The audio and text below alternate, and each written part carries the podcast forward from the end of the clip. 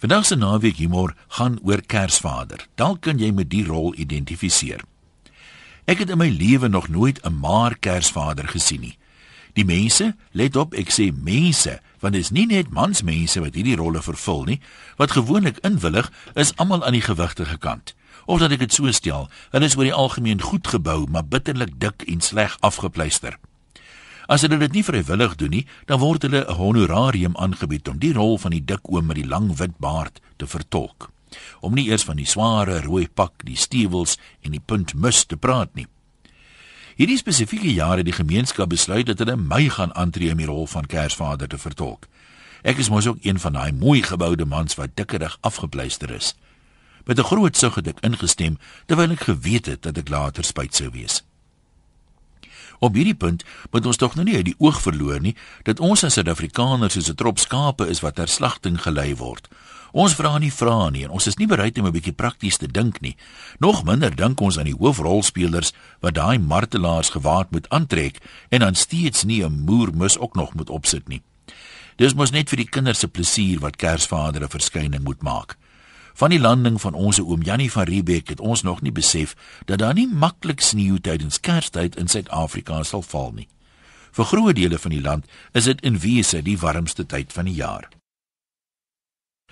Ek het egter nie besef dat ek amper sou verdrink nie.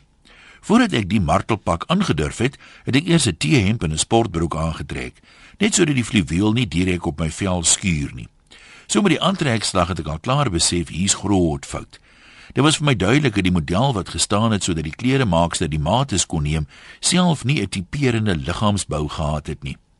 Ek sou graag die persona non grata aan lewende lywe wou aanskou. Die oordeel in die lengte van die broek se pype moes die persoon net kort diskant 2.5 meter gewees het of uit op stelte geloop. Ek is nie die heel kortste van mense nie en teen 1.82 meter moes die broek se pype so 'n goeie paar keer omgevou word. Die model was definitief lank, maar glad nie groot om die middel nie. Ek is nader aan so uit asem gestoei dat ek soos 'n stoompot staan en stoom. Met 'n groot gesukkel en nie sonder dat ek my boepie probeer intrek nie, is die broek darm toegesip.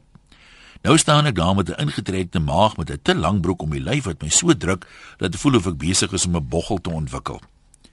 En die prentjie mee af te rond, moet ek nou my voet binne in 'n paar leerstewels inkry om die kersie op te sit, 'n punt mis.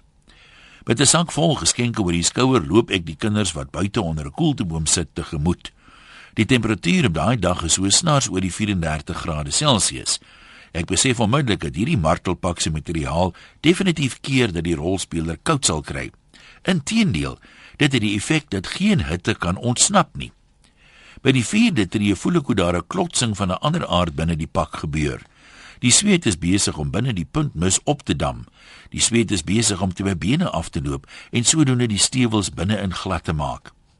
Soos ek nader aan die skare kinders kom, sien ek dat daar 'n groot stoel onder die boom geplaas is waarop Kersvader moet gaan sit. By hierdie tyd is al branders binne in die mus as die sweet opdam en ek loop al struikelende. Toe ek nader kom, besef ek seker die kinders met die gebruikelike ho ho ho gegroet moet word. Maar wat ek nie meer tred gehou het nie is dat die fluweelpak nou redelik nat is van al die sweet en dit nou besig is om 'n wurggreep op 'n baie strategiese plek uit te oefen. Ek maak my mond oop en al wat daar uitkom is 'n klank wat 'n mengsel is van iemand wat laryngitis het en 'n tienerseun wie se stem besig is om te breek.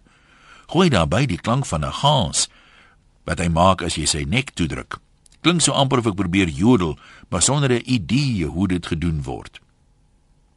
Een van die kleiner dogtertjies het se muur na haar mamma toe gehardloop en al hygend gekla dat dit die waterdraak is wat langs die rivier so raas. Met 'n skietoma het sy haarself op haar ma se skoot neergeplak en besluit dat sy niks verder met die ding te maak wil hê nie. Eindelik is ek by die stoel tussen die kinders wat my soos 'n guppy visie aangaap. Ek mik om te gaan sit en voor ek onthou dat die vloeiwiel nie oor my bene gly nie, gaan sit ek. So 'n breekdeel van 'n sekonde voor ek die stoel tref, toe gebeur die onmenslike en hy bekende klank trek die lug in. Die martelpak se broek skeur letterlik van oor tot oor oop. Gelukkig het ek die sportbroek aan, anders was daar regtig groot skandes. Nodeloos om te probeer vertel wat volgende gebeur. Totale pandemonium bars los en ek moet net koes soos al wat pappa en mamma en kind is aangehardloop kom om 'n snapshot van die betalje te neem seker ook om Facebook op te gaan om dit op Facebook te gaan plaas. Duidelik het ek in die rol van Kersvader 'n onmiddellike lokettreffer geword. Ek moet erken dat ek die rol bykans nie oorleef het nie. Nou sit ek en wonder waarom ons in Suid-Afrika nie 'n slag die absurditeit van die noordelike halfrond se Kersvader gewaad weggooi nie. Waarom skep ons nie vir ons 'n unieke somerkersvader nie? Ek sien so in my geestesoog 'n persoon, hy kan maar dikkerig wees wat met 'n rooi kortbroek of 'n safari pak geklee is, sulke rooi lang sokkies wat wit omslaan en 'n paar rooi velskoene en vir die son 'n rooi wye rand sonhoed.